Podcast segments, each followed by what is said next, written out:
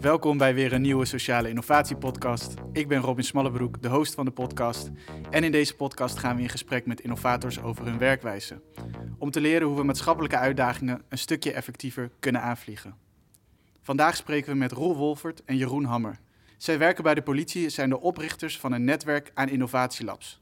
Oftewel Q-Labs. Deze podcast is een thuiswedstrijd, want wij werken nu bijna twee jaar samen bij Q. Uh, Roel en Jeroen kunnen wat mij betreft niet eh, ontbreken in deze podcast, want jullie uh, zijn constant, eigenlijk elke dag bezig om de politie toekomstbestendig te maken en zetten daar heel veel voor opzij. Dus uh, dankjewel voor het aanschuiven en welkom. Ja, dankjewel. Dankjewel. Um, ja, ik stel even eerst één iemand de vraag, want we doen hem dus met z'n drieën. Jeroen, hoe zit jij hier? Hoe gaat het? Ik zit hier goed. Ik heb er zin in. Lang naar uitgekeken om deze podcast met elkaar op te nemen. We hadden even nodig om hem te plannen. Daar hadden we even voor nodig. Een kleine periode van zo'n anderhalf jaar, denk ik. en uh, Roel, hoe zit jij hier? Ik zit hier goed. Het is een spannende tijd voor de politie. En uh, dat geeft uh, ons ook wat houvast om, om verder te kijken. Gaaf. Nou, gaan we zo alles over horen. misschien eerst ook beginnend, Roel, als jij zou moeten uitleggen wat jij doet bij de politie. Ehm, ja, wat is dat dan? Ja, ik ben nu kwartiermaker van QNL. Dat is een beetje een dubbelrol die ik samen met Jeroen uitvoer. En dat is in de loop van de tijd ontstaan. Ik ben in 2013 bij de politie gekomen. Ik kwam binnen als recherchekundige, een speciaal zij-instroomtraject voor mensen die in de opsporing willen werken en een HBO of een WO-achtergrond hebben. En voordat ik bij de politie werkte, was ik uh, journalist. Ik schreef verhalen voor onder meer Elsevier en Retail Trends Media. En uh, nou, die eerste jaren bij de politie vond ik echt geweldig. En uh, ja, op een gegeven moment begon dat een beetje te wringen. Ik merkte dat die politie niet echt een cultuur had waar vernieuwing en innovatie een plek had. En nou, op dat moment kwam ik Jeroen eigenlijk tegen in 2016.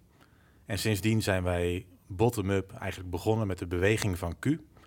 En dat is uitgegroeid tot een landelijk netwerk van teams. En ja, daar mogen wij nu kwartier in maken, zoals je dat uh, binnen de politie dan zegt. Wat betekent dat, kwartier maken? Ja, dat is een goede vraag. Dat, uh, ik vind die rollen en functies binnen de politie soms wat ingewikkeld. Um, maar wij proberen eigenlijk om Q gewoon steeds weer een stapje verder te brengen. En niet alleen Q, maar vooral eigenlijk het vak innovatie binnen de politie.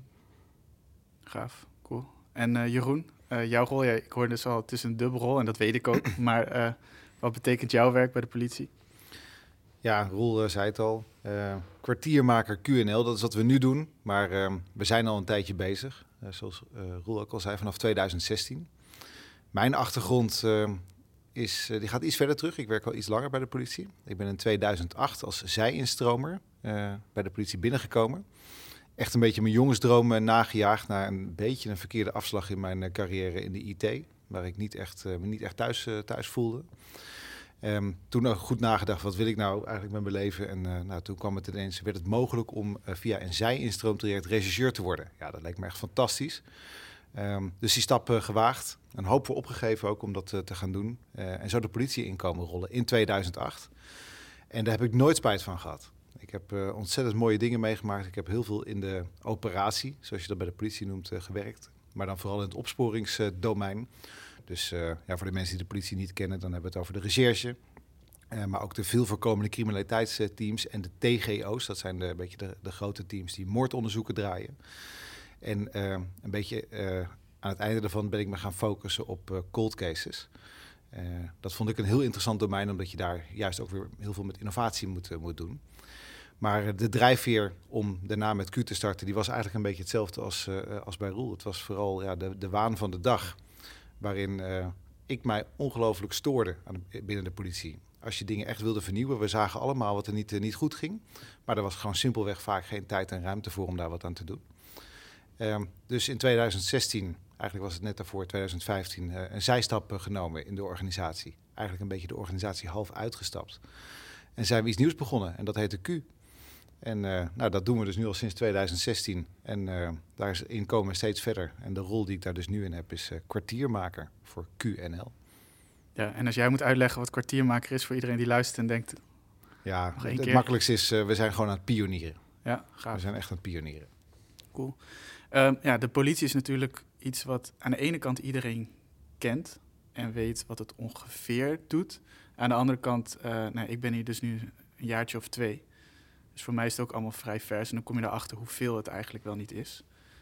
Als je dat zou moeten uitleggen, wat, dat, wat de politie is, wat is daar dan de beste uitleg voor? Wat de politie is? Ja.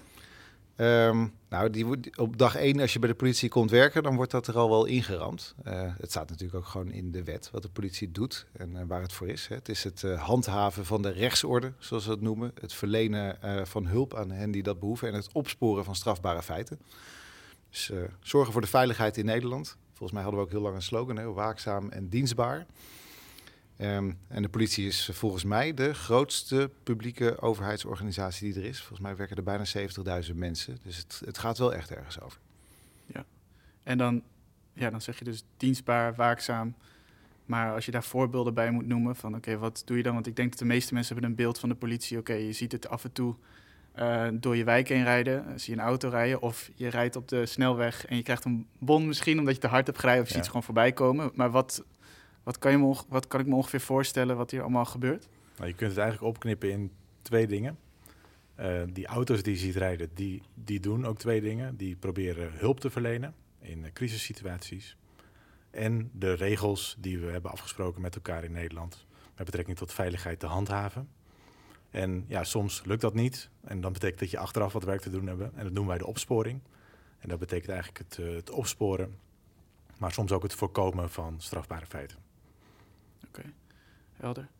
Um, ja, jullie vertellen al een aantal keer dat, uh, uh, dat jullie Q hebben opgezet om die politie toekomstbestendiger te maken. Als je dan zou moeten uitleggen wat Q is en misschien ook even de letter Q, want ik weet dat het hier ook een beetje een soort mythische stand, status heeft, wat dat is.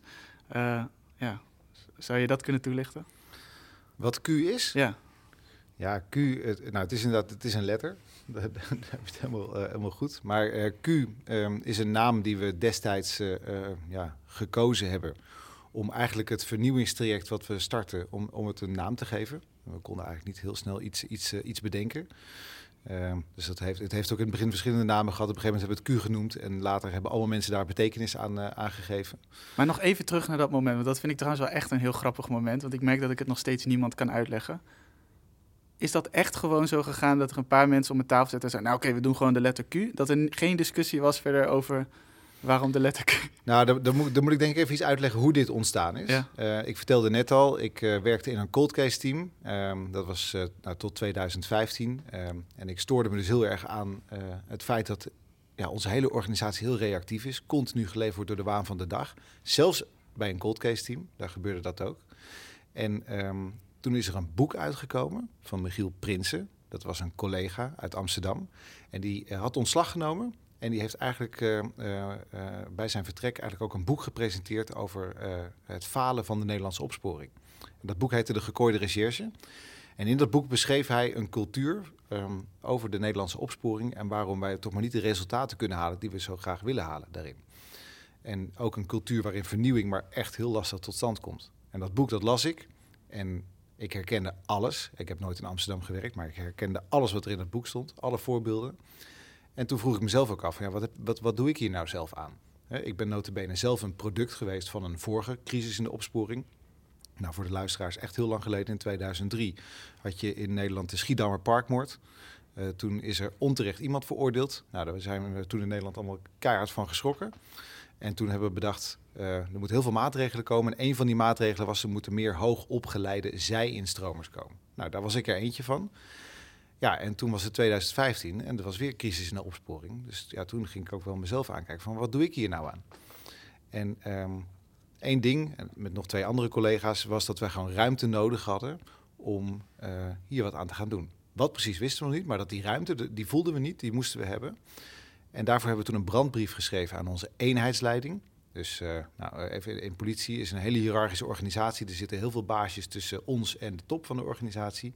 Die sloegen we allemaal over. We schreven een brief direct aan de top met eh, best wel wat lef en bravoer om ja, die ruimte te claimen. Maar ja, die brief en dat voorstel, dat moest even een naam hebben. Je hebt, zeg maar, als je een mailtje stuurt, dan moet je toch in het onderwerpveld moet iets staan. Dus eerst dachten we van hoe gaan we dit nou noemen? Nou, we, moeten het een, we gingen het eerst een project noemen. Toen wouden we het de letter P geven, omdat uh, degene in de eenheidsleiding die heette Peter. We dachten, nou, we noemen het, uh, we noemen het P. En de dag van tevoren dachten we, ja, dat, is toch, dat staat nergens op. En uh, toen kwam de Q ineens naar boven. En later kon je er allemaal betekenis aan geven, maar het is echt letterlijk gewoon in de avond besloten met een hele snelle wijziging van dit moet niet P heten, maar Q. Last minute, we hebben een letter nodig. Ja.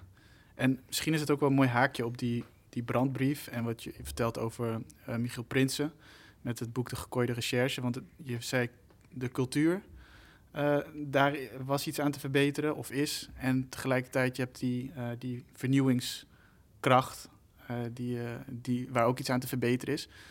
zou je dat, een van jullie dat iets meer kunnen toelichten? Hoe, Ja.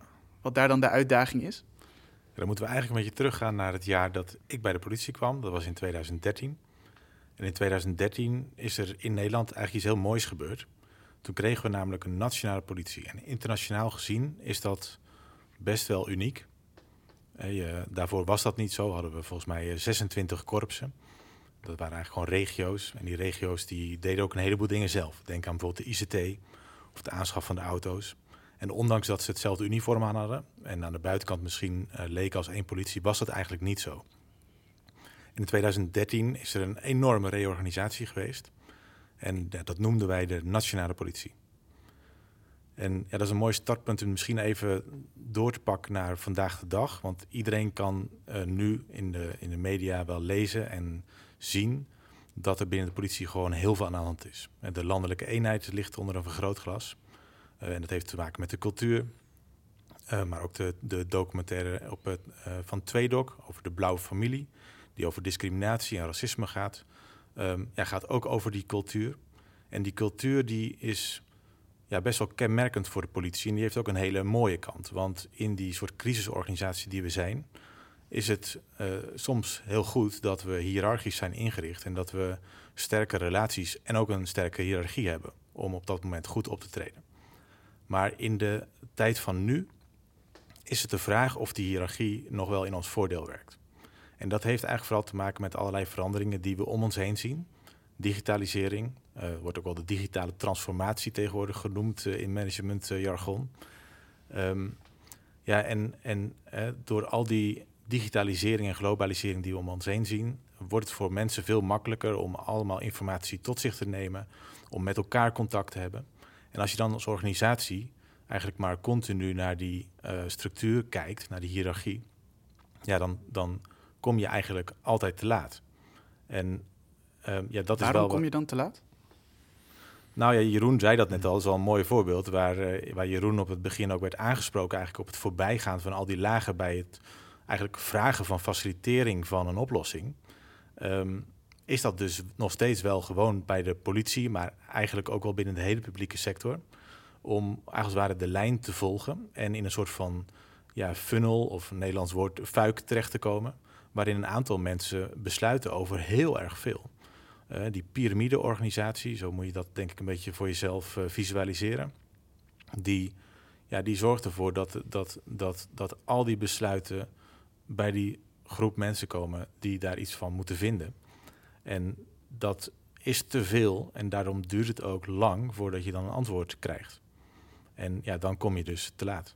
Iets wat dus goed werkt op het moment dat je weet, het is een proces wat we al heel vaak hebben doorlopen. We weten nu wat we moeten doen. Dan is zo'n fuik misschien heel helder qua communicatie. Maar op het moment dat je iets nieuws moet doen, dan werkt die hele fuik niet meer voor dat proces. Ja. Oké, okay. ja. En, en dat, is, dat is dus de, dat is de hiërarchie. Um, is er nog meer in die cultuur te benoemen dat je denkt van oké, okay, dat, dat, uh, ja, dat zou anders kunnen? Nou, het is een cultuur die ik ook zelf wel uh, ervaren heb binnen de politie, waarin um, ja, op het moment dat je dingen, uh, nieuwe dingen gaat doen of andere dingen gaat doen, um, en je dus ook een beetje je hoofd boven het maaiveld uitsteekt, ja, dan gaat iedereen in deze organisatie op een hoop plekken wel af.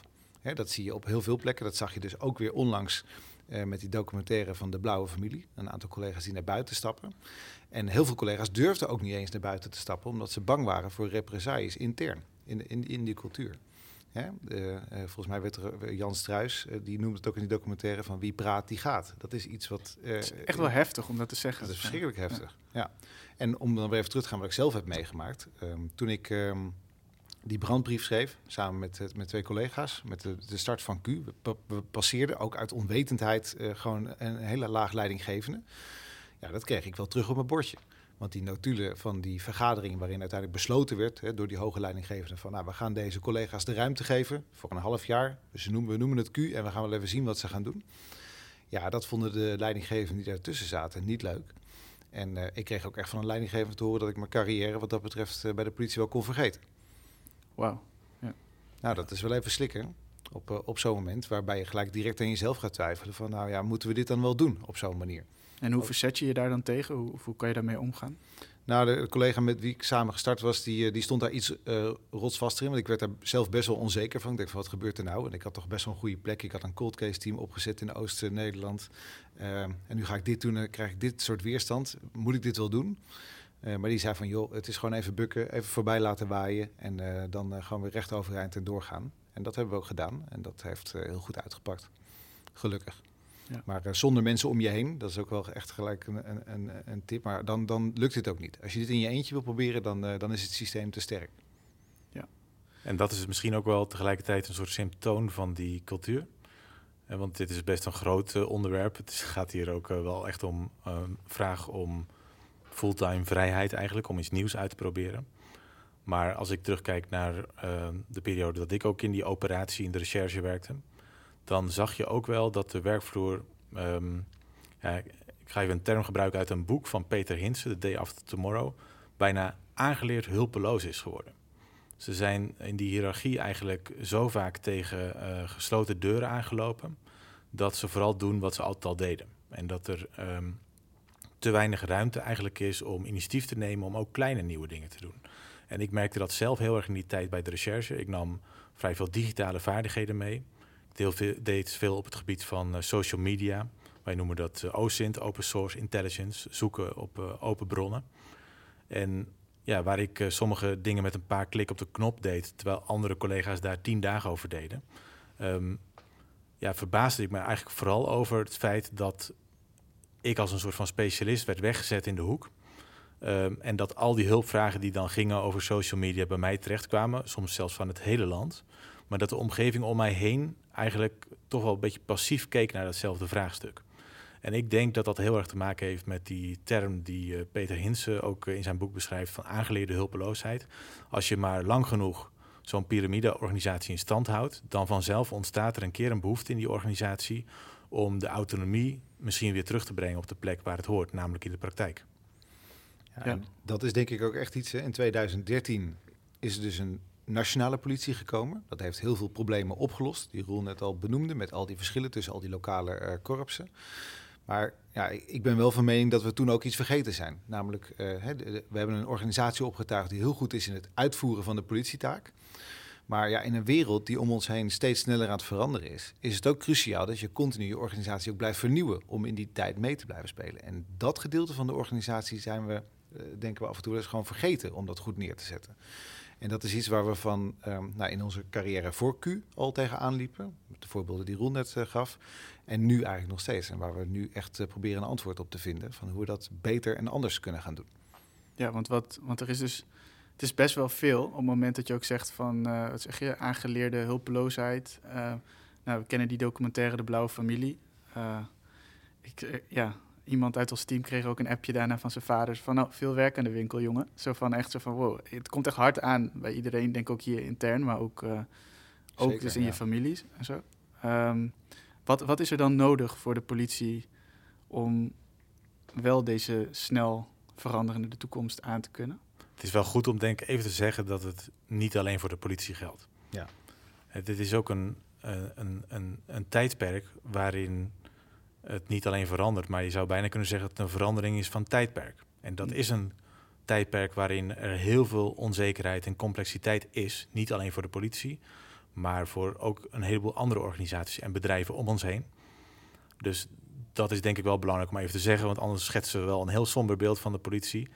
Uh, dat is niet terecht. We zien ook uh, absoluut uh, hele mooie doorbraken, zowel nationaal als internationaal in de opsporing. Um, dus het is echt niet allemaal een, heel erg somber. Maar wat er wel heel hard nodig is, is dat we die vernieuwingskant gaan, gaan, gaan organiseren binnen de politie. En ook dat geldt niet alleen voor de politie, maar ja, dat betekent dus wel dat we als politie daarin ook moeten volgen. Ja. ja dat is wel echt een zoektocht, want ja, je hebt natuurlijk gewoon maar één politie. Hè? Er is er niet nog eentje, zoals in Amerika bijvoorbeeld, waar je heel veel verschillende politiediensten naast elkaar hebt. In Nederland hebben we er maar één. En als we die willen vernieuwen, dan moeten we dat dus ook van binnenuit gaan vernieuwen. En ja, dat is gewoon hard nodig. Ook gewoon simpelweg als je alleen al naar de cijfers uh, kijkt. Want er gaat uh, de afgelopen, nou ja, volgens mij de afgelopen tien jaar is er steeds meer geld naar de politie uh, gegaan. Ondertussen zien we het aantal aangiftes eigenlijk dalen. Dus daarvan zou je eigenlijk kunnen afleiden van, nou, het gaat eigenlijk wel goed bij Nederland. Hè. Er, vindt minder criminaliteit plaats, er worden minder aangiftes gedaan. Maar het oplossingspercentage van die zaken, dat blijft gelijk of neemt eigenlijk ook zelfs iets af. Terwijl er dus eigenlijk meer mensen zijn gaan werken sinds we nationale politie zijn. En daarbij uh, heb je ook nog eens een keer best wel lange doorlooptijden in die keten die we hebben opgetuigd hè, met het Openbaar Ministerie en de rechtbank. En daarnaast hebben we nog eens een keer een hele hoop nieuwe criminaliteitsvormen. En door corona zagen we dat nog een keer extra toenemen. Uh, die op de politie afkomen, waar we nieuwe antwoorden op moeten verzinnen. Dus uh, ja, er staan wel wat dilemma's aan de wieg voor de, voor de politie. En ja, daar helpt het denk ik enorm bij als we echt een vernieuwingsorganisatie aan de politie gaan koppelen om die uitdagingen aan te gaan.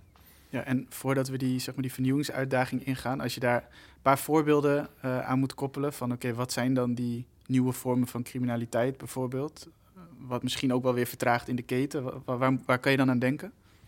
Nou, dat zijn heel veel uh, verschillende voorbeelden. Ja, cybercrime, dat is ook zo'n containerbegrip. Ja. Um, ja. Maar om het even wat dichter bij huis te houden, we hebben het over de bank helpdesk uh, fraude. Komt ongelooflijk veel voor. Mar marktplaatsfraude, WhatsApp fraude. Nou, hè, vriend in nood, hè, dat, dat, je een berichtje krijgt van iemand van... hallo, ik, uh, ik heb een nieuwe telefoon, sla hem even op onder mijn naam. En vervolgens gaan zeggen dat je in geldnood bent. En ja, je kan denken van wie trapt er nou in? Maar het zal je verbazen hoeveel dat toch gebeurt. En... Uh, ja, daar moeten we toch als politie ook een antwoord op hebben. Als deze mensen aangifte komen doen eh, hiervan. En dat zijn nieuwe vormen van criminaliteit waar uh, de competenties en vaardigheden van onze collega's die dat soort zaken doen, misschien niet altijd even goed op toegerust uh, zijn. Nee, en het houdt daar ook niet op. Hè? Dus het blijft ook komen. Dat is iets wat zeker is. En dat betekent ook dat je als politie daar ook een beetje op moet ja, um, vooruitkijken. Als heel simpel voorbeeld, uh, de deepfakes die nu al steeds normaler worden, hebben een enorme impact op ons werk. Want in die opsporing proberen we dagelijks eigenlijk de bewijswaarde voor het Openbaar Ministerie rond te krijgen. Ja, als we niet meer weten wat waar is en wat niet waar is, dan uh, hebben we toch echt een heel groot probleem. En daar zul je dus aan de voorkant ook rekening mee moeten houden. En ja, dat, dat wil niet zeggen dat we hier zelf een quantumcomputer moeten gaan bouwen. Maar het vraagt wel om daarin uh, continu ook vooruit te kijken en dat terug te koppelen naar de praktijk die we, die we nu kennen. Ja, dus we hebben cybercrime, nieuwe vormen van cybercrime die er alweer aankomen. Uh, ja, dingen die we misschien nu geen labeltje hebben zelfs, buiten cybercrime om. Nou, uh, en ook e extreme vormen van polarisatie. Het gaat niet alleen maar om technologie en uh, de inzet van technologie die technologie heeft ook een impact op de sociale infrastructuur van Nederland en de wereld. Sterker nog, zelfs op de grenzen van uh, hè, landsgrenzen doen er ook steeds minder toe. En uh, je kunt nu al voorspellen dat de opkomst van VR, uh, eh, misschien wel de metaverse, daar nog veel meer impact op gaat hebben. En ja, wie moet er dan gaan acteren? Is dat dan de Nederlandse politie of een andere politie? Is dat überhaupt de politie? Ja. En dat soort vragen zul je wel steeds moeten stellen om niet verrast te worden op het moment dat je daarmee in de praktijk geconfronteerd wordt. Ja, dus we hebben een grote uitdaging. Mag ik hem nog even korter uh, samenvatten? Uh, wat, wat kan je daar tegenover zetten? Hoe kun je zorgen dat je daar iets mee kan? Dat je snel genoeg kan aanpassen wanneer dat moet en dat je de juiste vragen stelt wanneer ze gesteld moeten worden? Ja. Nou, dat is iets uh, waar we vanaf het allereerste begin met Q in 2016 uh, mee begonnen zijn. En ja, heel simpelweg, wij wisten het ook niet. We zijn maar gewoon gaan proberen, gaan experimenteren. Dus kwamen er al vrij snel achter dat daar een beetje het label innovatie bij hoort. Nou, dat, dat, dat hebben wij een beetje uh, destijds uh, geclaimd. En we zijn experimenten gaan doen op vraagstukken die speelden. En daarvan te leren. En, uh, en, en gaandeweg hebben wij onszelf wat methodes toegeëigend, die natuurlijk gewoon in het bedrijfsleven al enorm bekend zijn. Denk erbij aan design thinking, lean startup, agile en dan met name binnen het agile framework het, het scrum werken. Het zijn allemaal methodes die we geleerd hebben. En heel goed, en ik denk dat Q daar altijd heel goed in is geweest, om dat soort concepten van buiten door te vertalen naar de politiepraktijk. En daar hebben we ook hele mooie voorbeelden van. Van hoe we dat ook in de politiepraktijk hebben toegepast. En ook het rendement uh, daarvan uh, van hebben laten zien. Ja. ja, en we kunnen daar dus echt heel veel leren van andere organisaties. En niet alleen op die methode, maar ook op de manier hoe we ons organiseren. En toen Jeroen in uh, 2016 met die twee collega's die vrijheid voor een half jaar afdwong. En ik dat hoorde, toen herkende ik daar wel iets in wat andere bedrijven ook veel doen. Die organiseren namelijk hun ja, run the business, het eigenlijk verdienmodel wat je vandaag de dag hebt, organiseren ze anders dan hun change the business. Dus hoe je ja, eigenlijk je toekomstige verdienmodellen uh, wilt onderzoeken en aftasten en eventueel wilt omarmen. En toen ik hoorde dat zij die vrijheid hadden gevonden binnen de politieorganisatie, ja, wist ik niet hoe snel ik daarbij moest aansluiten. En ja, ik had dat in die tijd van dat ik schreef voor Retail Trends zoveel om me heen gezien bedrijven die geconfronteerd werden met digitalisering, uh, met e-commerce aan de slag moesten gaan. Dus het bouwen van een webwinkel bijvoorbeeld. En ja, wat ze eigenlijk allemaal deden, was dat ze dat change the business anders organiseerden. En ondanks dat wij misschien op het begin niet wisten hoe we dat binnen de politie dan vorm konden geven, uh, wisten we wel dat we die vrije ruimte moesten gaan claimen. En ja, wat we nu eigenlijk leren in de theorie, is dat dat met een heel uh, moeilijk woord de ambidextere organisatie wordt genoemd. Heel moeilijk woord. Ja, het is een, ja, dat is een Nederlands woord, maar in wat meer Jip en Janneke taal zou je kunnen zeggen de tweebenige organisatie. Waarin je dus je ene been eigenlijk vooral inzet voor ja, je, je run the business, dus je uitvoering van vandaag de dag. En aan de andere kant je been inzet voor uh, change the business. Dus het continu zoeken naar nieuwe businessmodellen. Nou, bij ons zijn het geen businessmodellen, maar meer organisatiemodellen. Uh, oplossingen voor wicked problems die we als politie tegenkomen. En dat is waar we ons, um, nou, waar we in de loop van de jaren hebben geleerd dat dat de politie heel hard nodig heeft. En wat denk ik heel leuk is aan wat Jeroen net ook zegt, is dat we zelf heel erg die combinatie van dat gedachtegoed van Lean Startup, Agile, Scrum, dat we dat echt omarmd hebben en dat we dat ook vertaald hebben naar hoe je dan langzaam stapjes kunt zetten om daar ook te komen als organisatie. Ja, want misschien daar dan toch een voorbeeld van. Kunnen jullie misschien een, een experiment, project eruit pakken waarvan je denkt, oh ja, dan daarin kun je snap je een beetje van, oké, hoe komt Scrum, een Lean Startup of een Design Thinking terug? Zeg maar om een beetje uh, voor de mensen die luisteren vat te krijgen op hoe hier gewerkt wordt. Ja, ik denk dat we daar we kunnen er wel twee noemen. Um, eentje die echt wat meer aan de sociale kant van de innovatie zit. Uh, dat heeft ook te maken met de methode van Agile Scrum. Um, het probleem, want we beginnen gewoon heel vaak ook in ons team dat we een probleem binnenkrijgen. Het probleem was dat er op veel afdelingen waar veel voorkomende criminaliteit wordt afgehandeld. Dus dan hebben we het over de simpele fietsen, diefstal, een eenvoudige mishandeling. Um, eenvoudige mishandeling. Ja, zo heet dat binnen de politie. Ja, Ik, ik, ik, schrok er ook een beetje van in het begin. Oh, dat noemen we een eenvoudige mishandeling, maar dat is de enkele klap bijvoorbeeld. Mhm. En je doet aangifte. Dan worden die aangiftes die worden opgenomen op een politiebureau en die gaan vervolgens naar een afdeling. Um, en um, nou, op een, een van die afdelingen waar we kwamen, uh, daar hadden ze wel meer dan 300 van die zaken op een plank liggen. Omdat ze gewoon de tijd en de capaciteit niet hadden om die zaken op te lossen. Dus we doen heel veel moeite om in ieder geval een burger aan te horen. Dit is er ge gebeurd. We nemen een aangifte op en hij belandde op de plank. En um, nou, we zijn gaan kijken in zo'n team, uh, ook een beetje ingegeven, ook vanuit de leiding, van we kunnen eens kijken wat er nou eigenlijk precies aan de hand is. Dus ik heb ook een tijdje meegewerkt in zo'n team. Wat, wat gebeurt daar nou?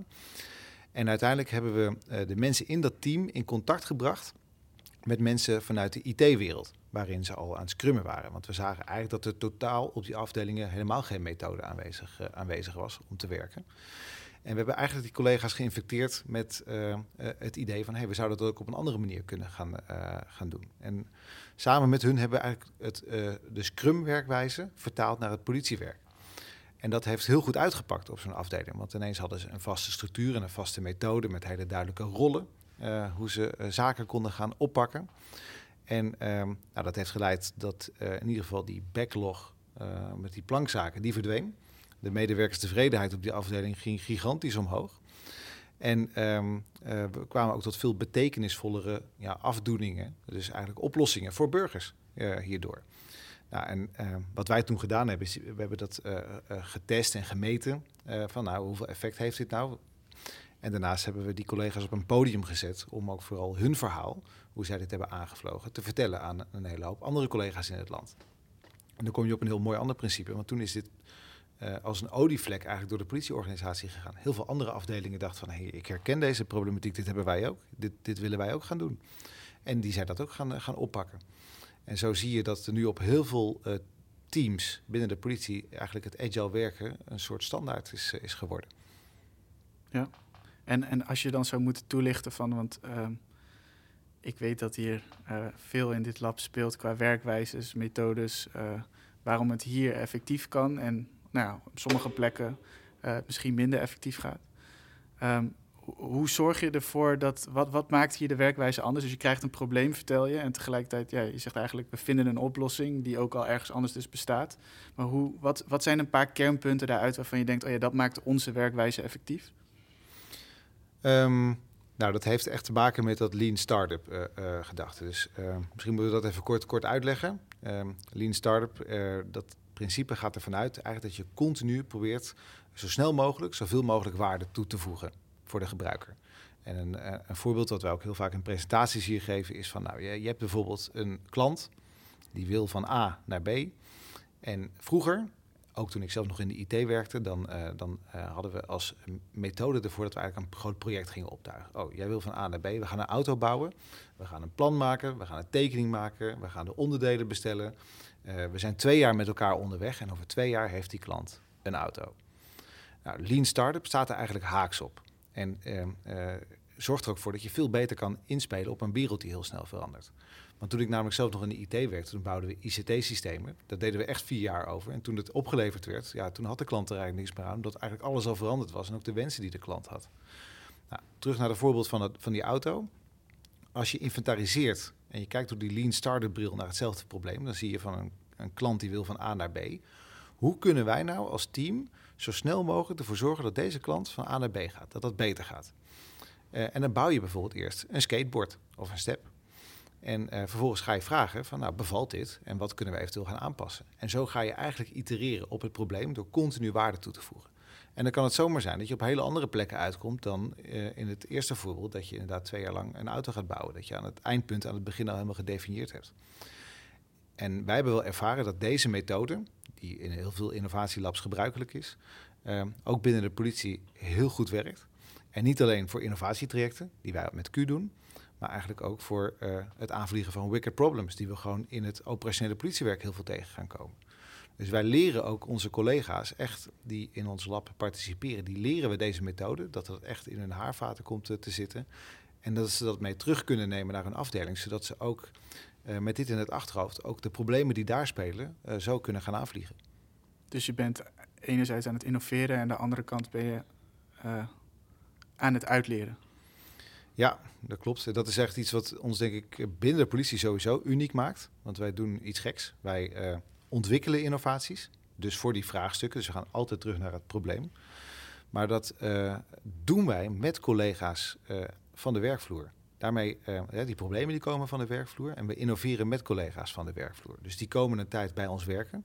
Ze kunnen bijvoorbeeld een traineeship doen. Duurt twee jaar. Komen ze in het lab. En in die twee jaar leren ze eigenlijk die 21st century skills. Hè, waar Lean Startup ook echt een onderdeel van is. Van hoe vlieg je nou eigenlijk van dit soort complexe problemen aan? Hoe doe je dat goed? En na die twee jaar, we leiden ze op. Ze, ze doen er vooral heel veel ervaring mee op in die innovatietrajecten. En daarna gaan ze eigenlijk weer terug, of verder moet ik misschien wel zeggen, die organisatie in. Om ook daar die verandering te bewegen. En dan kom je weer terug bij het belangrijkste doel van Q. Waarom zijn we nou ooit mee gestart?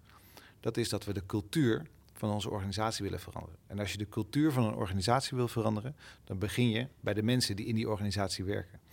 Want we, zijn, we hebben maar één politie en die vernieuwing die moet dus van binnenuit komen. Daarbij is het cruciaal dat je investeert op de mensen die daar werken.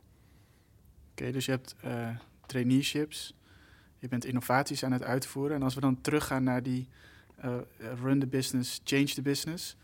En je zou moeten uitleggen, oké, wat, wat is er nu nodig bij de politie wat in die uitdaging om een change the business goed op te zetten, wat, wat is dat dan? We hebben al eigenlijk al een paar, zeg maar, of best wel veel building blocks of zo zijn er nu benoemd. Mhm. Maar geeft dat het totale beeld, die traineeships en, die, eh, en zo'n eh, werkwijze? Nee, of is nee. het... Nee, zeker niet. Kijk, uiteindelijk is er een, ook weer zo'n mooi woord, innovatie-ecosysteem nodig. En dat is wel leuk om ook even terug in de tijd te gaan. Ehm, de politie komt na die reorganisatie een beetje uit een fase waarin innovatie een wat besmet begrip is geweest. En ja, in de innovatiewereld wordt het ook wel een beetje de duizend bloemen bloeien theorie genoemd. Dat is echt waar de politie vandaan komt. Er is eh, een jaar of twee of drie geleden ook een telling geweest van het aantal innovatieprojecten wat er dan binnen de politie eh, liep. En dat waren er 800. En nadat de dubbelingen waren weggestreept, waren het er nog maar eh, 600 volgens mij. Maar het en, wat vooral heel interessant was, dat van al die eh, projecten was er volgens mij één of twee die eh, werden opgeschaald.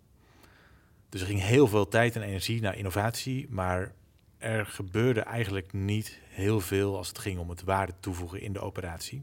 En misschien even over dat opschalen. Er is ook onlangs een eh, onderzoek uitgebracht eh, van de politieacademie, die hier ook onderzoek naar doet. Naar de innovatiekracht noemen ze dat dan van de politie. En toen hebben ze eigenlijk uitgezocht van wat is nou de gemiddelde tijd bij de politie om van een succesvol idee naar een succesvolle opschaling eh, te komen. Nou, dan mag jij raden, Robin. Wat, hoe, lang, hoe lang denk je dat dat... eh, Ja, ik weet stiekem wat dit getal is, maar dat is wel een... eh, ja, dat is dus Heftig ne getal. negen en een half jaar op Ja. dit moment. Dus de- wat dat betreft ook maar weer even een kenmerk. Hier is werk aan de winkel. Ja. Ja. Nou, en het werk wat er aan de winkel is, is dat we eigenlijk vooral de ideatie, creatie en opschaling van innovaties gewoon veel professioneler gaan organiseren. En om dat goed te kunnen doen, heb je een aantal bouwblokken nodig. En ja, wij als Q zijn één van die bouwblokken. Het is niet zo dat wij eh, verantwoordelijk zijn voor alle innovatie binnen de politie. Dat eh, hoeft ook helemaal niet. Wij zijn eigenlijk vooral een, eh, een vehikel binnen de politie om ervoor te zorgen dat we in de uitvoering van innovatie met elkaar ehm, nou, de juiste dingen kiezen. Eh, daar ook op een hele methodische manier naar gaan kijken. Ook vroegtijdig kunnen besluiten om iets te stoppen of om juist te leren dat je waarde aan het toevoegen bent. Eh, en zoals Jeroen net al zei, proberen dat te combineren met het eigenlijk het uitleren, het aanreiken van een hele nieuwe mind to skillset aan die collega's. Zodat als zij dan zo'n project afsluiten bij ons, die skills ook weer meenemen naar hun eigen afdeling. Zodat er langzaam een soort van ja, virus, een beetje moeilijk in deze tijd, maar een virus eh, ehm, wordt verspreid in de organisatie van een hele andere mind skillset dan die we voorheen hadden binnen de politie. En dat innovatie-ecosysteem, dat hebben wij ehm, in 2019 in Oost-Nederland eh, voor een heel groot gedeelte eigenlijk leren vormgeven. Maar misschien is het goed, voordat ik daar iets over zeg, dat we eerst even weer teruggaan naar 2016. Want Jeroen vertelde al dat zij toen eigenlijk vrije ruimte vroegen voor het eerste Q-team. En daarna is er heel veel gebeurd. En ik denk dat we dat even logisch, chronologisch moeten langsgaan. ja, welke context is daar belangrijk? Nou, ehm, dat eerste initiatief hè, na die brandbrief, dat heette dus het Q-team. Eh, dat waren eigenlijk eh, ik en nog twee collega's, dat was het. En we waren vrijgemaakt, maar eigenlijk was er gewoon helemaal niks geregeld. Behalve dat de leiding zei, dat is goed, je hoeft eh, niet meer je huidige werk eh, te doen. Eh, Jeroen, het coldcase team, daar hoef je niet meer te werken. Jij bent vrijgemaakt nu, jij kan gaan kijken wat voor nieuwe dingen je kan doen voor de organisatie die, die goed zijn. Maar dat betekende dus ook dat eigenlijk een hele hoop andere dingen niet geregeld waren. Een plek in de organisatie, simpelweg dingen die je nodig hebt, de werkruimte, budget, een rol, functie. Dat was er allemaal niet. En ehm, nou, dat was ook eigenlijk gewoon, ehm, in die eerste drie jaar was dat ook echt even pionieren.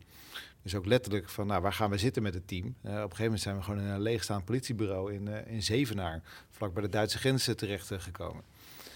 Ehm, daarnaast hadden we ook helemaal geen idee hoe we dit überhaupt zouden gaan, eh, gaan aanvliegen. Maar er gebeurde op een gegeven moment wel iets heel moois. Want we waren dus een Q-team en de eenheid Oost-Nederland, wat dus de provincie Gelderland en Overijssel een beetje behelst. En wij deden een innovatietraject, een hele grote vakdag die we organiseerden, deden we samen met een paar collega's uit Rotterdam. En toen dachten die collega's in Rotterdam van... hé, hey, wacht even, wat ze daar in Oost-Nederland gedaan hebben... en die vrije ruimte, dat willen wij ook. Dat is hier ook keihard nodig. En die hebben eigenlijk precies hetzelfde gedaan. Die zijn ook met een hoop lef naar de hoogste leidinggevende gegaan... en die hebben op exact dezelfde manier ook die ruimte geclaimd. En die noemden zichzelf ook een Q-team. Wij hadden daar natuurlijk nooit over nagedacht. Van, ah, hoe gaan we met zo'n merk om? Hoe gaan we dit uh, een beweging vormen? Dus we hebben ze vooral een ander kleurtje logo gegeven. En zeiden van, ga, maar, ga je gang maar. En nou, volgens mij is toen in 2017 is dat uitgegroeid in één jaar tijd naar zeven of acht Q-teams die in de politie ontstonden. Maar de diversiteit tussen die teams was gigantisch. In Rotterdam waren ze ook vrijgemaakt, maar ook geen vaste rollen, geen vaste functieomschrijving, geen budget, maar ze waren wel vrijgemaakt. Um, in Amsterdam kregen die collega's één dag in de week de tijd. Uh, in Midden-Nederland uh, waren wel plekken, maar moesten collega's daarop gaan solliciteren. Dus die, die, dat, ging weer totaal een beetje top-down, werd het eigenlijk in, ingericht. En uh, nou, zo hadden we nog een aantal smaken die daar een beetje tussen, tussen vielen.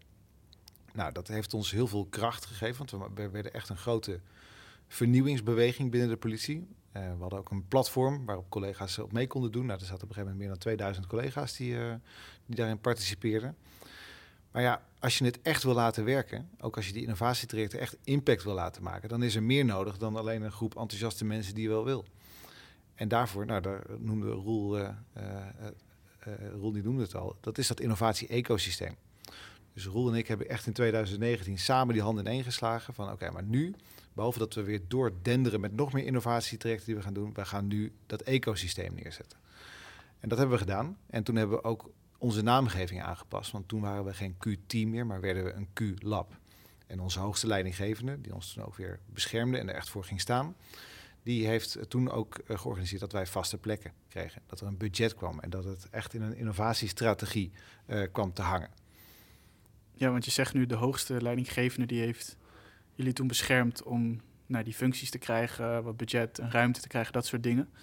Uh, maar hoe kom je tot dat punt dat diegene jou beschermt? Of hoe is dat proces gegaan dat je dus uiteindelijk die dingen voor elkaar krijgt? Ik denk dat het tweeledig is. Aan de ene kant leerden we in die periode van Q-teams dat er gewoon een hele rijke voedingsbodem was in de politieorganisatie. Dus waar de ene kant die cultuur soms wat wringt, zag je ook dat er heel veel collega's gewoon hun hand opstaken en zeiden: ja, wat jullie daaraan doen zijn, dat willen wij ook. En wij herkennen dat verhaal van jullie ook. En dat verhaal van Michiel Prinsen herkennen wij ook. Maar wij gaan niet weg. We willen er iets aan doen met elkaar. En ik denk dat dat ons heel erg krachtig maakte, dat wij in staat waren om die mensen met elkaar te verbinden. En daar deden we eigenlijk helemaal niet zo heel veel voor. Want uh, de enige interventie die we echt gedaan hebben, is dat we gezegd hebben, bijvoorbeeld tegen Rotterdam, hier hebben we ons logo, maar dan in het groen. En heel veel succes. en um, daarna zijn we vooral heel vaak bij elkaar gekomen om met elkaar eigenlijk te leren en te itereren. En zo het merk en de beweging verder te ontwikkelen. Dat is denk ik één ding wat ons heel erg hielp. En het andere wat ons heel erg heeft geholpen is dat we ook gewoon projecten deden die echt waarde hadden. Uh, het meest bekend is wel de cold case kalender. Een kalender die we uh, verspreiden in gevangenissen in de hoop dat we daar nieuwe informatie van getuigen konden verkrijgen over uh, onopgeloste moordzaken bijvoorbeeld. Um, maar we bouwden ook software voor diezelfde cold cases. Zijn er in Nederland 1700. En ja, in die zaken zitten soms nog bijvoorbeeld forensische kansen. En die, uh, die, die kansen probeerden wij door middel van de inzet van software eigenlijk boven water te krijgen. Overigens deden we dat ook weer volgens die Lean Startup wetten. Je kan natuurlijk allemaal uh, een soort van doos uh, van Pandora maken. Waarin je um, nou, die hele dataset van cold cases op alle verschillende entiteiten en kansen uh, laat screenen en dan komt er een zaak bovendrijven. Nou, dan zijn we wel een paar jaar bezig als we dat willen. Een soort ultieme machine. Precies. Nou, je hebt dit project zelf ook uh, meegemaakt, uh, Robin. We hebben daarin echt heel erg geïnvesteerd eigenlijk op gewoon de quick win die je kunt halen. Een, een, ja, een selectie van die sporen waarvan we weten dat als we die tegenkomen in een dossier en die sturen weer naar het NFI, is de kans vrij groot dat we dan alsnog tot bijvoorbeeld een DNA-profiel kunnen komen en daarmee een dader kunnen identificeren. En dat is iets wat we um, binnen de politie op dit moment dit soort werk nog heel veel met de hand doen.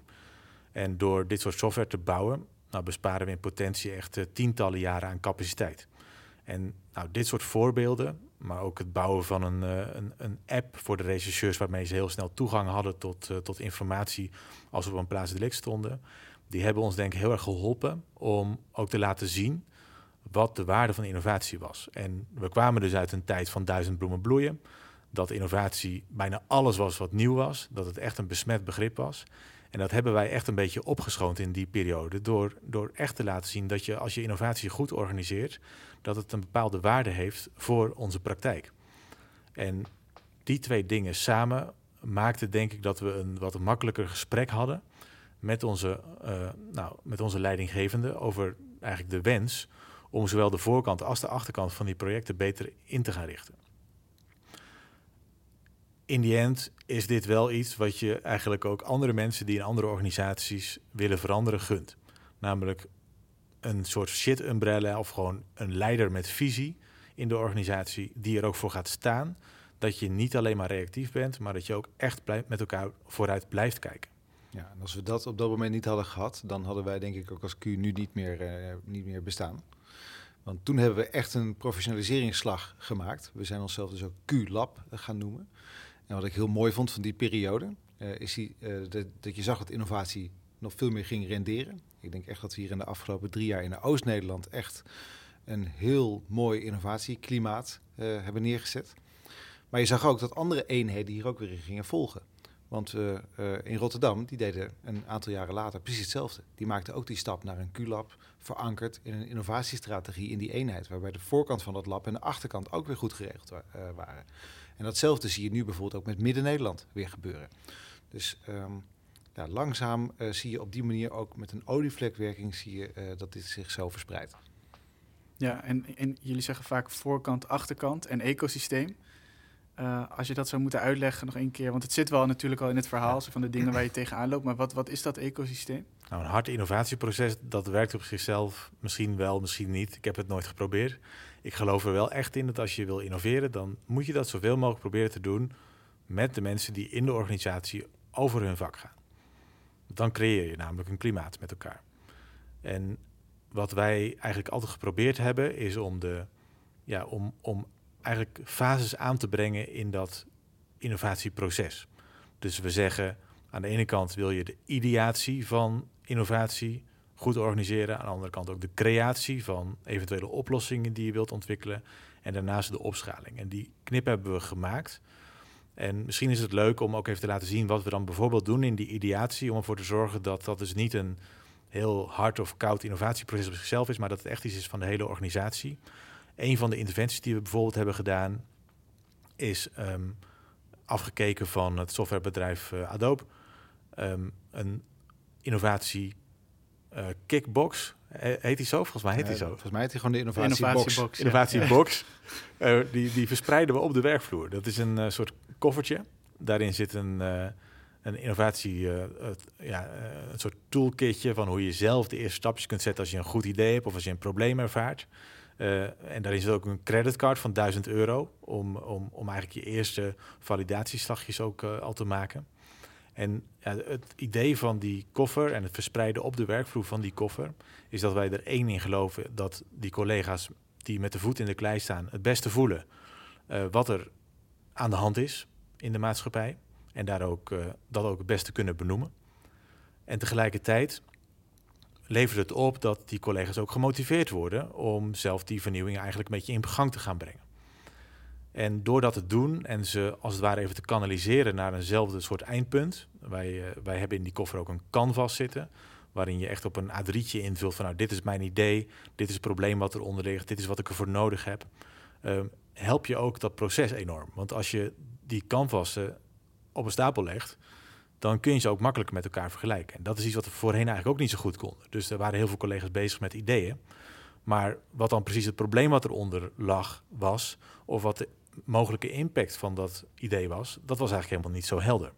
Nou, en door dat dus wel met elkaar um, duidelijk te maken, begrijpen die collega's, merken wij ook beter wat de waarde van innovatie is voor hun eigen vak. En help je de organisatie eigenlijk ook om daarin dus beter keuzes te maken. Je kunt je innovatie, innovatiegeld maar één keer uitgeven. En dat wil je ook doen aan de onderwerpen die het meest te doen, die het meest belangrijk zijn of die het meest urgent zijn. En ja, dat is ook een beetje de fase waar wij als QLab in zo'n regionale eenheid, de politie heeft tien eenheden, uh, aan, aan, aan zet zijn. want op het moment dat we iets gekozen hebben als eenheid en we zeggen, nou, dit probleem of dit idee is eigenlijk te complex om die collega's zelf uit te laten voeren, uh, dan kunnen zij hulp vragen van ons als QLab. En zo'n QLab is eigenlijk maar een heel klein team met twee rollen, een coördinator en een coach. En die coachen die collega's die instromen en later weer uitstromen, om ja, eigenlijk die, die ideeën en problemen die binnenkomen, om die op een goede manier en methodisch aan te vliegen. Om te blijven valideren of hetgeen wat je doet wel klopt, of het werkt, of je moet stoppen. Um, om uiteindelijk te komen tot hopelijk een hele waardevolle oplossing die daarna in, in een andere plek binnen de organisatie opgeschaald uh, kan worden. En dat is wat QLabs doen. En Jeroen zei het net al, maar ga ik toch nog een keertje zeggen. Het gaat echt om het ontwikkelen van innovaties. En het vergroten van die innovatiekracht om dat proces goed te laten werken. En dat is waar de focus van, uh, van een QLab echt ligt. Ja, en dat richt zich dus met name op het ontwikkelen van onze medewerkers, die dus of in het lab werken. Dat hebben we eigenlijk nog niet verteld, want we faciliteren in die labs niet alleen traineeships. Dus dat zijn collega's die voor twee jaar uh, bij ons mogen werken, innovaties ontwikkelen, uitvoeren, ondertussen ontzettend veel leren en daarna met een hoop enthousiasme uh, en heel veel nieuwe kennis, en kunde de organisatie weer ingaan. Maar we hebben het ook wat laagdrempeliger aangepakt. Want twee jaar geleden hebben we ook trouwens ook weer van buiten afgekeken, zoals we zoveel hebben afgekeken. Dit komt dan weer uit de zorg. Uh, hebben we een workshop ontwikkeld. Een tweedaagse workshop. Waarin alle collega's die dat willen, niemand moet naar ons gestuurd worden, maar alleen collega's die willen, die kunnen zich daarvoor inschrijven. Enige wat ze mee moeten nemen is een probleem waar ze last van hebben. Een operationeel probleem. Een probleem wat in een wijk speelt of uh, in het district. Neem het mee. En wij begeleiden ze eigenlijk in twee dagen naar een geteste en gevalideerde oplossing. En die workshop is echt nou, best wel een groot succes. Het werkt ook heel goed. Uh, en met name wanneer je kijkt naar het ecosysteem wat we hier neer willen zetten. Dus we halen heel veel problemen op. We geven collega's al een proefje van die methode, wat ze dat dus kan opleveren. We spotten talent. Dus wat later misschien ook een traineeship in het, uh, bij ons in het QLab kan, kan komen werken. En we doen al de eerste aanzet voor canvassen die naar zo'n innovatieraad toe kunnen. Die we misschien later met die collega's in het lab kunnen gaan ontwikkelen. Dus um, ja, dit heeft echt het klimaat, het innovatieklimaat in de eenheid Oost-Nederland een enorme boost gegeven. En we zien dat nu ook andere QLabs dat willen gaan overnemen. In Midden-Nederland gaat die binnenkort georganiseerd worden. Ook in Rotterdam gaan ze dit concept neerzetten. Gaaf. Ja, er staat eigenlijk heel veel. Hè? Ik, ja, we werken met elkaar, maar het is om het even weer zo te beseffen dat er inderdaad een innovatiebox is, dat er een ac academy is, een heel duidelijk werkproces, een keuzeproces. Uh, ja, er, er, is eigenlijk best wel heel veel. Die traineeships. Ja, ja gebaseerd op uh, ja, onze visie op hoe je als politische medewerker in de toekomst uh, wilt zijn. En ook verbonden bijvoorbeeld aan HRM. En dat is, ja, we zitten hier ook in een, in, in een ruimte die voor ons ook vaak als een overwinning voelt. De zogenaamde workspace. Met die een Q. Gefaciliteerd is door onze bedrijfsvoering. Misschien klinkt dat voor mensen van buiten de politie of buiten de publieke sector als iets heel raars wat ik nu ga zeggen. Maar ja, wij moeten natuurlijk alles uit een soort van assortiment uh, plukken wat is aanbesteed. En uh, ik kan me nog herinneren toen wij in die, uh, nou, in die piratentent in Zevenaar zaten met ons Q-team. toen hebben we een keer de, de muur blauw geverfd. Nou, dat leidde bijna tot ontslag. En wat heel erg leuk is, is dat in de loop van de jaren is dat klimaat in de politie ja, ook wel echt door ons toedoen zodanig veranderd dat wij nu ineens zo'n creatieve ruimte als hier um, krijgen. En dat die ook wordt ingericht door in dit geval de bedrijfsvoering. En dat, uh, nou, dat voelt heel goed dat we als politie die stappen zetten. We zijn er nog niet, want we komen straks denk ik bij de fase waar we nu uh, echt ingaan. Uh, maar ja, langzaamaan, en zie je dat als je die Lean Startup filosofie en die Agile Scrum uh, filosofie ook over je organisatieverandering heen durft te leggen als organisatie en je een aantal mensen het vertrouwen geeft, dat je ook op die organisatieontwikkeling steeds stapjes kunt zetten op weg naar de, de goede kant. Ja, want we zitten hier in een mooie workspace, maar volgens mij refereerde je ook een beetje aan in de hal allemaal OSB-platen aan de, aan de muur. En dat is volgens mij ook iets wat nu in het standaard assortiment zit, toch? Nou, niet te hard zeggen. Ik weet niet wat iedereen daarvan vindt. Niet te standaard, oké. Okay. We hebben die platen wel op andere plekken in de organisatie. In ja, die, uh, laten we het daarop bijhouden. Ja. Oké. Okay. Ja, we zitten ook eigenlijk op een hele mooie tijd nu. Uh, of we, uh, ja, we zijn bezig met QNL. En ik denk dat daar ook heel veel over uit te leggen is, omdat het heel veel samenbrengt van wat jullie net allemaal vertellen. En dat, ja, ik vind het zelf een enorm spannende tijd waar we nu ingaan.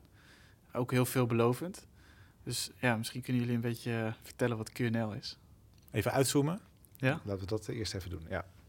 Kijk, wij zijn niet de enige die in de gaten hebben dat de politie ehm, het model wat we kennen op de schop moet gooien. Dat we anders moeten kijken naar innovatie. En daar is binnen de politie ook steeds meer aandacht voor. En zo is er nou zo'n twee jaar geleden ook een visie op de zogenaamde innovatiefunctie beschreven. Waarin we in ieder geval de contouren schetsen uh, als politieorganisatie. Hoe we denken dat we kunnen toewerken naar die zogenaamde ambidextre organisatie die we op het begin al even hebben laten vallen. Tweebenige organisatie. Tweebenige organisatie. Change ja. and run Ja. the business. Precies. Nou, dat geeft ons ook heel veel houvast om daar ook het verhaal van Q weer op te klikken.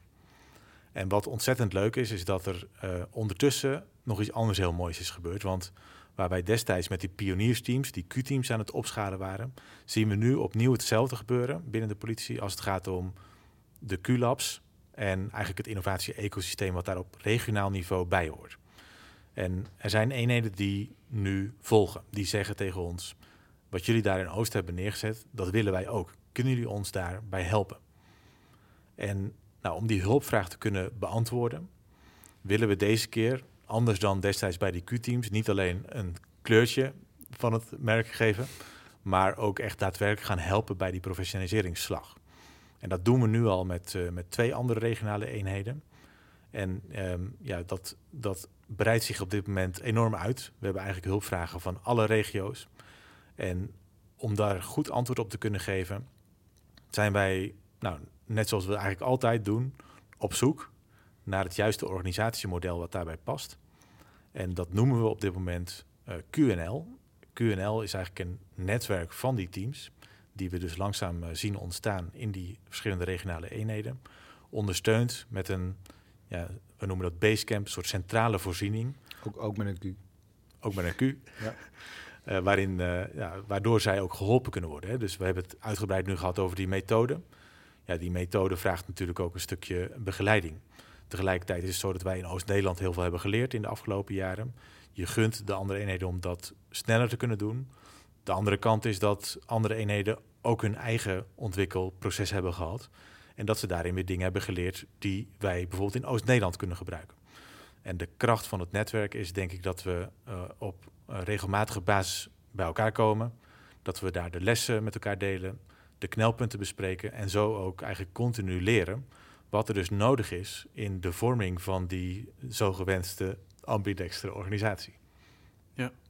Want, wat kan je dus, je leert van elkaar en wat zijn dan onderdelen die je in zo'n basecamp neerzet om te zorgen dat je, zeg maar, wat zijn nog weer de onderdelen die je van elkaar wil leren en met welke middelen of mensen doe je dat? Nou, dat weten we nu nog niet precies.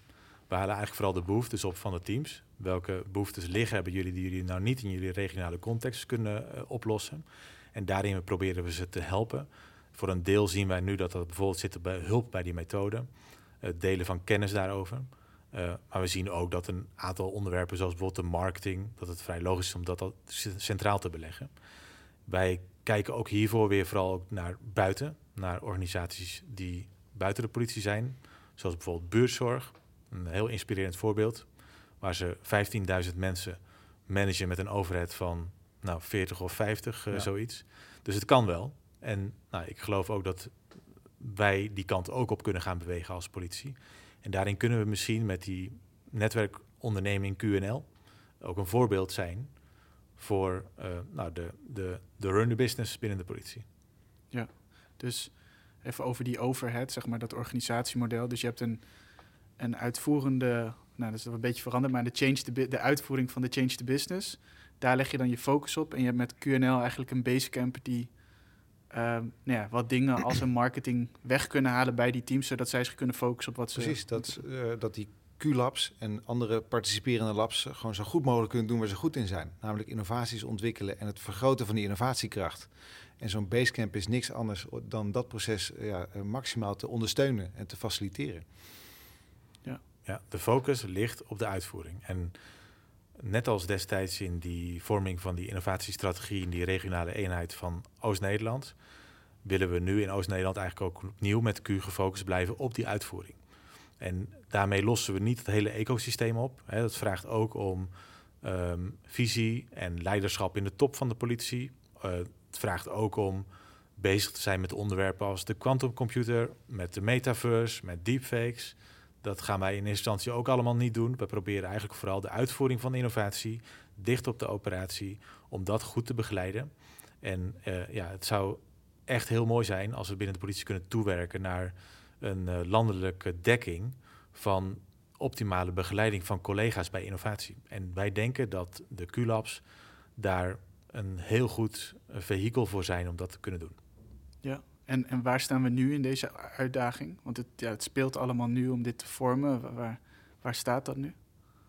Ja, weer in die pioniersfase, in die kwartiermakersfase. ja, dan komen we terug bij het begin, ja. uh, de ja. rol. Ja. Oké. Okay. Um, ehm, ja, zijn er voor jullie nog punten dat je denkt van... ik zou het nog heel belangrijk vinden om dit te kunnen benoemen... als het gaat over ja, hoe we hier te werk gaan... of misschien de uitdaging waar we nu met elkaar voor staan?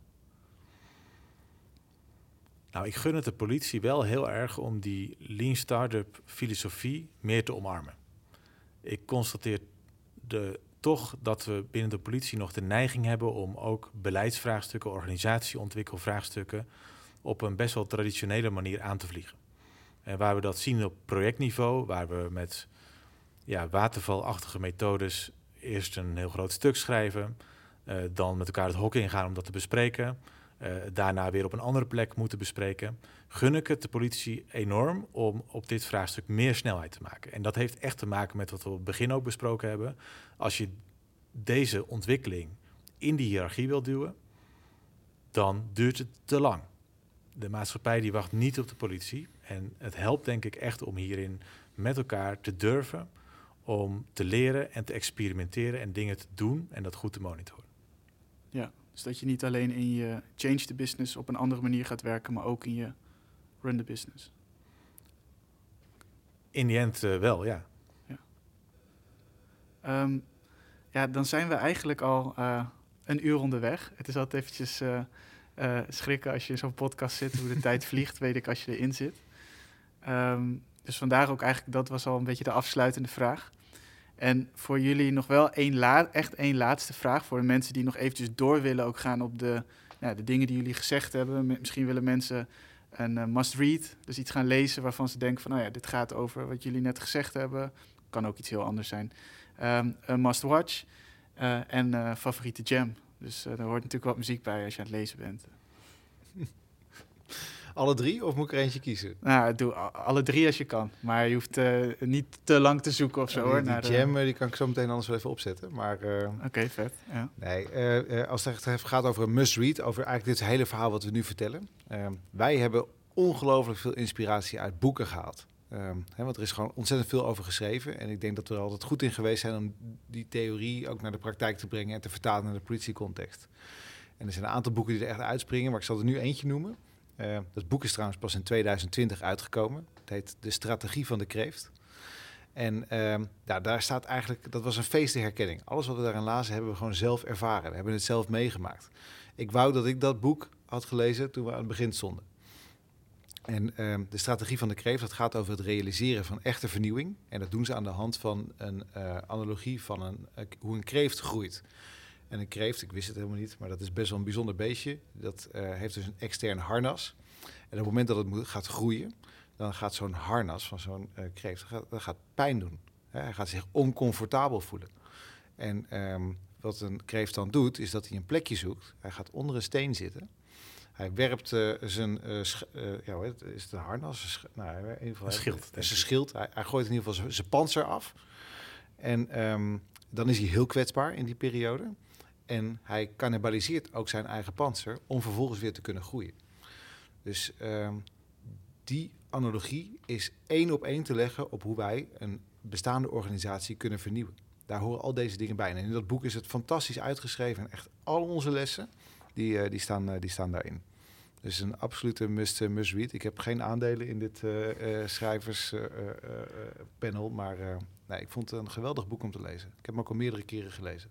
Gaaf, interessant. En heb je nog een must-watch? Um, ja, dat is, dus, nou, dat is een serie die ik ook al vier keer gezien heb. Uh, volgens mij, ik weet niet of jullie hem gezien hebben, maar dat uh, is een serie van HBO. Hij is al wat ouder. Het heet The Wire. En het is by far de allerbeste politieserie ooit gemaakt. Het gaat over ehm, de politie in Baltimore, die in strijd tegen de georganiseerde, georganiseerde misdaad. Het is eigenlijk ondermijning wat je daar ziet. Drugs, criminaliteit heeft de hele stad overgenomen. En het is een team wat bottom-up iets aan het probleem wil gaan doen. Dat is het eerste seizoen. Ik herken daar ook heel veel in het verhaal wat we zelf met Q hebben meegemaakt, herken ik hierin. En, uh, maar het legt eigenlijk op een hele mooie manier een aantal thema's bloot, zeg maar, die op dit moment heel belangrijk zijn in de maatschappij en waarop we moeten gaan vernieuwen. Dus uh, die serie, ook naarmate de tijd vordert, want hij is van opgenomen in 2001 tot 2005, geloof ik. Um, nu zijn we 15, 17 jaar verder en nog steeds zijn die thema's zo relevant. Om, uh, dus echt een aanrader om te kijken. Ik ben erg blij dat ik deze ook nog nooit gezien heb, want ik weet dat deze op echt nummer 1 staat van heel veel mensen. Dus dat is lekker om nog zo'n serie achter de hand Het is ook de enige politieserie waarin helemaal geen achtervolgingen of wat dan ook zitten. Dat, dat, dat is het dus, alle acties er zo'n beetje uitgehaald. En, en daardoor is het zo sterk. Cool. Misschien moeten we bij het muziekje dan zo meteen... Uh, dan doe ik gewoon niet het outro-muziekje van, uh, van de podcast... maar dan doen we die straks op. Uh, Roel, heb jij nog een must-watch of een, en of een must-read? Nou, in het verlengde wat Jeroen zegt... zou ik mensen buiten de politie nog willen aanraden... om, als ze van meer actie houden, te kijken naar Mokromafia... Ik denk dat dat ook wel een verborgen wereld is voor veel mensen in Nederland. En het geeft wel op een hele gewelddadige en heftige manier weer wat er ook speelt in ons land. Ook dit is veel al drugsgerelateerd. Ja, als het gaat om, om must read, voor mij is de Bijbel een hele grote bron van inspiratie. Met name ook als het gaat over beweging. tegelijkertijd denk ik dat ik veel collega's ook zou willen aanraden om zich te verdiepen in de toekomst. En dat, da daar zou ik twee dingen voor willen aanraden. Lees eens de boeken van Harari. Dat zijn drie boeken, zeer interessant. En ook echt wat te leggen over het politiewerk. En um, als must watch zou ik zeggen, kijk de film Ready Player One. vond ik zelf een hele leuke film om te kijken. Het gaat over de metaverse, hoe virtual reality steeds meer opkomt in de wereld welk effect dat ook heeft op uh, bepaalde bevolkingsgroepen. Um, en ja, geeft een, vooral een hele goede inkijk in de wereld die misschien wel veel dichterbij ligt dan wij nu denken. En die ook impact gaat hebben op het, op het politiewerk. Ja, tegelijkertijd ook een must-read. Ready Player One. Check, ja, ja. zeker. Heb jij nog een favoriete jam? Voordat we zo meteen naar de live sessie gaan. Ik heb deze niet voorbereid, dus ik sluit me aan bij Jeroen. Oké, okay. wat, wat gaan we luisteren, Jeroen? Ik, ik, ik draai wel mijn camera gewoon een, of mijn microfoon een beetje die kant op. Nou, we zaten net even een beetje te jammen voordat we deze podcast gingen opnemen. En ik liet even een klein toeltje zien waarmee je een snel muzikaal ideetje uh, neer kan zetten. Um, dus dit hebben we echt letterlijk in, nou wat was het, een minuut hebben we dit uh, in elkaar gezet. Hoe heet die toe? Ja, daar moet je even iets voor verzinnen. Dus uh, misschien kunnen de luisteraars iets, iets insturen. Ja, dat is het nummer. Maar hoe heet de tool die je dan gebruikt? dit is Odessi. Ah, oké. Okay. Ja, kan die? Ja, gooi hem erin.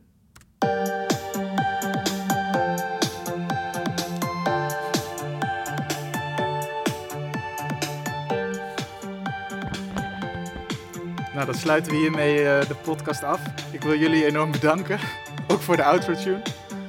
Um, ja, en jullie ook bedankt voor het luisteren. En tot de volgende.